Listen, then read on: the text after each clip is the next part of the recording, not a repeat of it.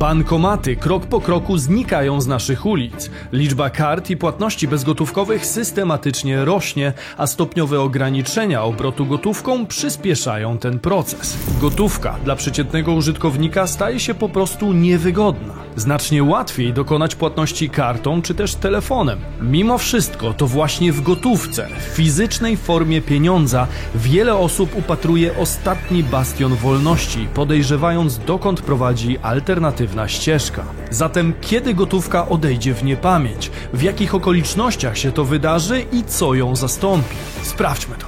Bizon. Włączeni do świata biznesu i finansów. Cześć, tutaj Damian Olszewski i witam Was serdecznie w kolejnym odcinku praktycznie o pieniądzach i edukacyjnej serii Bizon, gdzie prostym językiem poszerzamy Waszą świadomość finansową. Warto stać się częścią naszej społeczności, subskrybując kanał na dole. Wiernych widzów proszę przy okazji o niewielki kredyt zaufania w postaci łapki w górę na potrzeby algorytmu. Dzisiaj, z racji sporego zainteresowania, jakie wyraziliście w komentarzach, omówimy kwestię losu gotówki w czasach postępującej technologizacji. Czy w dobie postępu i rozwoju bardziej komfortowych metod płatności nadal będzie dla niej miejsce? Czy gotówka zasługuje na miano ostatniego bastionu wolności, a wizja kontroli państwa nad każdym groszem może stać się rzeczywistością? Czas to pieniądz, więc zaczynajmy. Fizyczny pieniądz powoli ustępuje cyfrowemu. Gdzie jest bankomat? Takie pytanie w przyszłości będziemy słyszeć coraz częściej. Według danych NBP systematycznie zmniejsza się bowiem ich ilość. Na koniec trzeciego kwartału 2022 roku na rynku funkcjonowało 21 207 bankomatów, czyli około 300 sztuk mniej niż w poprzednim kwartale i o 2,5 tysiąca mniej niż w rekordowym pierwszym kwartale 2017 roku. Zatem według opublikowanych przez NBP danych doczekaliśmy się powrotu liczby bankomatów do poziomu z 2015 roku. Dlaczego tak się dzieje? To zjawisko jest raczej naturalną konsekwencją coraz rzadszej potrzeby ich użytkowania. W przypadku wypłat z bankomatu liczba takich transakcji systematycznie się zmniejsza. Obecnie oscyluje w okolicach 130 milionów. Warto zauważyć, że jeszcze w 2014 roku kwartalnie odnotowywano 200 milionów takich transakcji. Potrzeba odwiedzenia bankomatu jest więc słabsza niż kiedyś, ale za to jak już się pojawi, wyciągamy dużo więcej niż wcześniej. Wartość wypłat, pomimo mniejszej ich ilości, była najwyższa w całej historii tych publikacji i wyniosła niemal 100 miliardów złotych. Jednak nawet rekordowa kwota wypłat z bankomatów nie pobiła wartości transakcji zbliżeniowych, która wyniosła 126 miliardów złotych. Nie da się ukryć, że zarówno Polacy, jak i wiele innych narodów preferuje płatności kartą czy też za pomocą aplikacji. Około 60% transakcji wykonujemy już bez użycia gotówki i większość z nas nie widzi w tym większego problemu. Szczególnie jeśli mówimy o młodym pokoleniu, które preferuje wygodę podczas płatności. Kart bankowych w trzecim kwartale 2022 było już ponad 44 miliony, a liczba terminali przekroczyła 1,2 miliona sztuk. Już niemal wszędzie jesteśmy w stanie zapłacić kartą. Bankowość w Polsce rozwija się dynamicznie, a wraz z jej ewolucją zwiększa się ilość transakcji bezgotówkowych, a także zmniejsza ilość transakcji z użyciem gotówki. Tym samym liczba bankomatów siłą rzeczy będzie się kurczyć, choćby na skutek tej relacji i warunków cenowych w bankach, które również będą przekonywać do coraz mniejszej ilości wypłat. Jednak mimo wygody i wielu zalet, całkowite wycofanie fizycznego pieniądza w naszym kraju z pewnością nie byłoby łatwe. Choćby dlatego, że Polacy nie chcą likwidacji gotówki. Mimo powiększającej się z roku na rok przewagi płatności bezgotówkowych, klasyczny pieniądz wciąż jest dla nas ważny. Kultura płatności gotówkowych w naszym kraju jest dość głęboko zakorzeniona. Potwierdzają to sondaże, w których nawet ponad 80% ankietowanych jest przeciwko zupełnemu wycofaniu gotówki z obiegu. W tym przypadku zaledwie 16% ogółu chciałoby zastąpienia jej płatnościami kartą, zegarkiem czy też telefonem. Bankowość po części w odpowiedzi na potrzeby rynku małymi krokami wypiera fizyczny pieniądz. Jako naród wciąż jednak zauważamy ryzyka, jakie niesie za sobą brak gotówki. Jednym z największych jest ryzyko permanentnej inwigilacji przez komórki administracyjne oraz korporacje. W ramach naszego własnego sondażu możecie napisać w komentarzu, czy stanęlibyście w obronie gotówki, gdyby miało jej grozić wycofanie. Ciężko jednak nie zauważyć, że ktoś pomaga gotówce i bankomatom znikać z ulic i robi to metodą małej łyżeczki. Państwo kontra gotówka. Trzeba skończyć z gotówką i przyjąć pieniądz cyfrowy, tak czy nie? Tak, jak najszybciej tak. Wiele krajów na świecie, w tym również Polska, stopniowo ogranicza ilość gotówki, jaką można użyć do opłacenia zobowiązań. Ograniczenia te oficjalnie zostają wprowadzane z różnych powodów, takich jak walka z nielegalnym przemytem, praniem pieniędzy czy też korupcją. Jeden z głównych powodów to jednak batalia państwa z tak zwaną szarą strefą, czyli tym obszarem gospodarki, który unika płacenia podatków, ukrywając część lub całość osiąganych dochodów. No właśnie, może chcielibyście zobaczyć cały film o szarej strefie w naszym kraju. Klasycznie dajcie znać w komentarzu. Propozycje, które zyskują największe poparcie, podobnie jak dzisiejszy odcinek, w przyszłości pojawią się na kanale. W Polsce proces stopniowego ograniczania ilości gotówki, jaką można użyć do opłacania faktur, niedługo wejdzie na kolejny poziom. Warto przypomnieć, że od 2017 roku obniżono wartość transakcji, za które płatność może być regulowana gotówką do kwoty 15 tysięcy złotych. Zmiana była całkiem spora, ponieważ wcześniejszy limit również wynosił 15 tysięcy, tyle że euro. W konsekwencji od 2017 wydatków powyżej 15 tysięcy złotych opłaconych gotówką przedsiębiorca nie może już zaliczyć do kosztów uzyskania przychodu. Do tego limit ten niebawem zostanie jeszcze bardziej zaostrzony. Od 1 stycznia 2024 roku limit płatności gotówkowych w transakcjach między przedsiębiorcami zostanie obniżony do poziomu 8 tysięcy złotych brutto. Z kolei w przypadku transakcji między firmą a osobą prywatną limit ten wyniesie 20 tysięcy złotych brutto. To oznacza, że powyżej tych kwot trzeba będzie dokonywać płatności bezgotówkowych, czyli pozostaje nam albo kontakt z terminalem, albo przelew na konto. Limity gotówkowe nie tylko w Polsce. Co ważne, ograniczenie płatności gotówkowych to trend ogólnoświatowy, który możemy zaobserwować również w innych krajach. Choćby w Izraelu, gdzie w ubiegłym roku ograniczono możliwość płatności gotówką do kwoty 6 tysięcy szekli, czyli niecałych 1700 dolarów, czy też lekko ponad 7,5 tysiąca złotych. W Europie temat wygląda podobnie. We Francji, Hiszpanii, Portugalii czy Grecji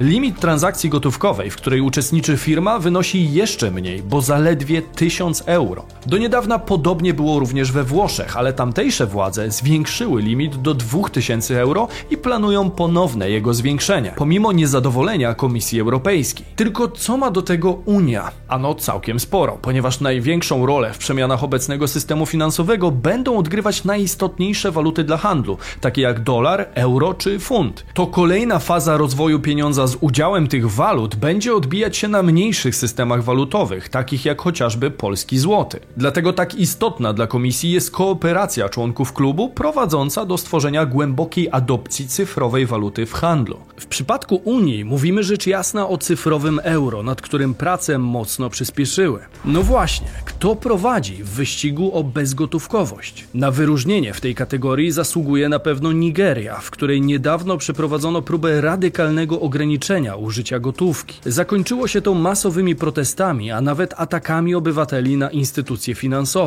Wszystko związane było z wprowadzeniem cyfrowej waluty banku centralnego o nazwie Enaira. Nigeria już w 2021 stała się jednym z pierwszych krajów na świecie, który zdecydował się na taki ruch. Jednak adopcja waluty w społeczeństwie była niewielka. Obywatele zwyczajnie nie chcieli jej używać, stąd w ciągu kilku ostatnich miesięcy tamtejszy rząd i sektor finansowy zastosował środki przymusu. Dokonano tego pod niewinnym płaszczem wymiany starych banknotów na nowe, których celowo nie wydrukowano wystarczająco dużo, tak aby część społeczeństwa musiała używać CBDC. Do tego w tym samym czasie banki komercyjne wprowadziły ostre limity wypłat z bankomatów. Wszystko po to, aby zmusić większy odsetek obywateli do używania Enairy. Zrobiono to pomimo ograniczeń infrastrukturalnych i użytkowych, pozbawiając tym samym część społeczeństwa środków do życia. Co prawda w Europie nie walczy się jeszcze z gotówką w tak radykalny sposób. Ciekawe jest jednak istnienie dość silnego związku pomiędzy wielkością udziału transakcji gotówkowych a położeniem geograficznym krajów Unii. Dokładniej statystyka pokazuje, że im bardziej na północ wysunięty jest kraj, tym mniejsza sympatia do gotówki.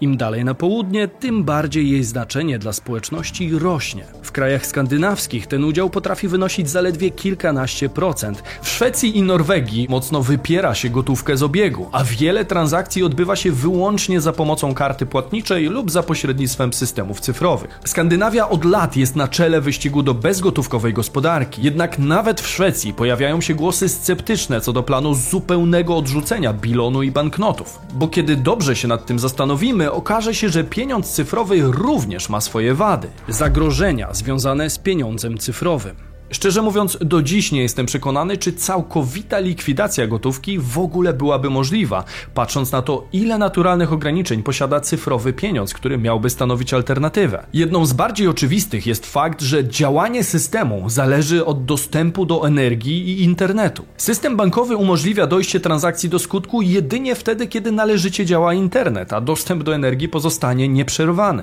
Bezgotówkowy system transakcyjny nie jest zatem samowystarczalny. W tym przypadku równanie jest proste. Brak prądu równa się brak pieniędzy. Brak połączenia internetowego równa się brak pieniędzy. Jednak to nie jedyny sposób, w jaki można by ograniczyć dostęp do cyfrowej waluty. Kolejną wadą jest zatem brak dostępu w sytuacji kryzysowej. W przypadku kryzysu bankowego może się zdarzyć, że banki wprowadzą limity wypłat kont. Takie sytuacje miały już miejsce na przykład na Cyprze w czasie kryzysu finansowego 10 lat temu albo w Libanie podczas protestów antyrządowych. Wyższy poziom konsumpcjonizmu.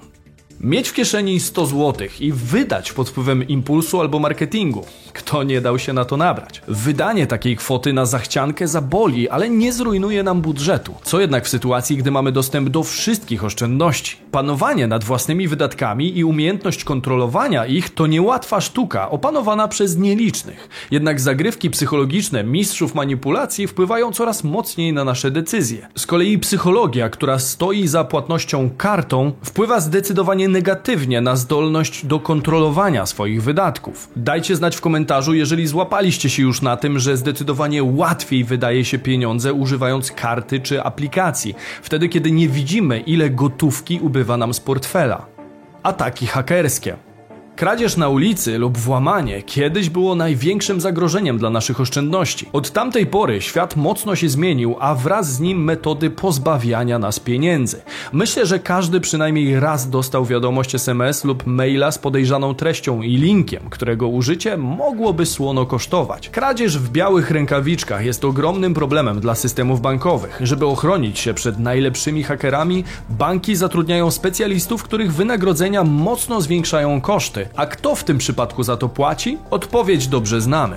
Klienci, czyli my. Wykorzystywanie systemu finansowego przeciwko obywatelom. Likwidacja gotówki może mieć fatalne skutki dla obywateli, którzy nie będą do końca zadowoleni z władzy w kraju i postanowią na przykład pokazać swoje niezadowolenie podczas protestu. Dosadnie przekonali się o tym kierowcy w Kanadzie podczas protestu przeciwko obostrzeniom rok temu. Tam co prawda gotówka wcale nie jest zabroniona, ale brak dostępu do cyfrowej wersji pieniądza zdecydowanie zdecydowanie utrudnił możliwość wzięcia udziału w proteście. Ostatecznie skutkiem protestów było to, że uczestnicy stracili możliwość korzystania ze swoich kont bankowych. Karty kredytowe zostały im zamrożone, a ubezpieczenia zawieszone. Do tego dochodzi nam jeszcze pełna inwigilacja zakupowa. W teorii państwo, a tym samym urzędnicy i politycy mogliby mieć wgląd do wszystkich wykonywanych przez nas transakcji. Takie informacje byłyby przydatne nie tylko dla skarbówki w razie złamania prawa, ale także także dla korporacji. Na ich podstawie firmy mogłyby dokonywać profilowania i odpowiedniej segmentacji klientów. Dla przykładu, dzięki informacji o zakupie ekspresu do kawy, firma byłaby w stanie skierować do nas precyzyjną reklamę kapsułek, kubków czy dodatkowych akcesoriów. Podobnie w przypadku zakupu czegokolwiek, co mogłoby łączyć się z daną potrzebą u konsumenta. Wyeliminowałoby to niedoskonałości obecnych plików cookies, które śledzą nasze zachowania w internecie. Wyobraźcie sobie zatem to samo, ale w skali wszystkich naszych wydatków. Niewątpliwie znacznie obniżyłoby to koszty pozyskania nowego klienta. Zakładam jednak, że niewielu klientów byłoby zadowolonych z tak wysokiego poziomu ekshibicjonizmu zakupowego. Ale nie bądźmy też jednostronni i zastanówmy się także nad wadami gotówki, które sprawiają, że świat kieruje się w stronę pieniądza cyfrowego. Jakie problemy stwarza gotówka? Po pierwsze, gotówka jest droga. Fizyczny pieniądz od narodzenia generuje dług w postaci kwot, które trzeba było przecież przeznaczyć na jego produkcję. Banknot czy bilon nie powstają z powietrza, trzeba więc zużyć odpowiednią ilość surowca, energii czy narzędzi do jego produkcji. Kolejne metody, jakie trzeba wymyślać i wdrażać jako jego zabezpieczenie przed fałszerstwem czy kradzieżą, również kosztują. Pieniądze są często fałszowane, co powoduje straty finansowe dla instytucji finansowych, sklepów czy klientów. Fałszywe banknoty są trudne do wykrycia, a klienci często są nieświadomi, że posiadają fałszywe pieniądze. W wyniku tego instytucje finansowe muszą wykorzystywać dodatkowe środki zabezpieczające, takie jak specjalne urządzenia do wykrywania fałszywek, co również generuje koszty. Transport gotówki również bywa kłopotliwy i kosztowny. Banki i firmy muszą regularnie transportować gotówkę z jednego miejsca do drugiego, co wiąże się z ryzykiem napadu lub kradzieży. Do kosztu codziennego obrotu gotówką należy zatem doliczyć konwoje transportowe, które muszą być przecież odpowiednio zabezpieczone. Dodatkowo kradzieże gotówki ze sklepów czy bankomatów to również zjawisko dość powszechne, co także jest poważnym problemem dla banków i instytucji finansowych. Po drugie, gotówka jest powolna, przez co coraz mniej pasuje do przyspieszającego tempa życia. Zastanówcie się, zanim wyciągniemy portfel, przeliczymy banknoty i poszukamy tych 17 magicznych groszy końcówki rachunku, za które pani kasjerka byłaby niewątpliwie bardzo wdzięczna, mija jednak trochę czasu. Prawda jest taka, że w tym samym czasie osoby płacące kartą czy też telefonem byłyby w stanie dokonać płatności kilkukrotnie. Tym samym płatności bezgotówkowe są zazwyczaj szybsze i wygodniejsze niż korzystanie z gotówki. Przede wszystkim nie musimy się przy tym martwić o drobne pieniądze, przeliczanie kwot czy szukanie bankomatu. Po trzecie, gotówkę łatwiej ukraść. W przypadku kradzieży portfela możemy stracić pieniądze bezpowrotnie, podczas gdy w przypadku kradzieży karty można ją szybko zablokować i uniknąć dalszych konsekwencji. Oczywiście nie twierdzę, że jesteśmy całkowicie bezpieczni, bo przecież wspominałem o ryzyku zablokowania konta czy ataku hakerskiego, który może towarzyszyć użytkowaniu cyfrowej waluty. Nasze konta także nie są wolne od ryzyka, ale z pewnością są bardziej chronione niż samowolnie pozostawiony portfel z banknotami. Po czwarte, gotówkę ciężej kontrolować. Korzystanie z kart i innych narzędzi bezgotówkowych umożliwia dokładne śledzenie wydatków, co pozwala lepiej kontrolować swoje finanse post factum. Mniejsza kontrola nad przepływem gotówki stanowi także poważny problem dla władzy, która wolałaby wiedzieć, gdzie zmierza pieniądz w gospodarce. Anonimowość tego typu transakcji otwiera furtkę do nadużyć i pozbawia państwo istotnych danych o dokonywanych przez nas transakcjach. Zatem kiedy zabiorą nam gotówkę?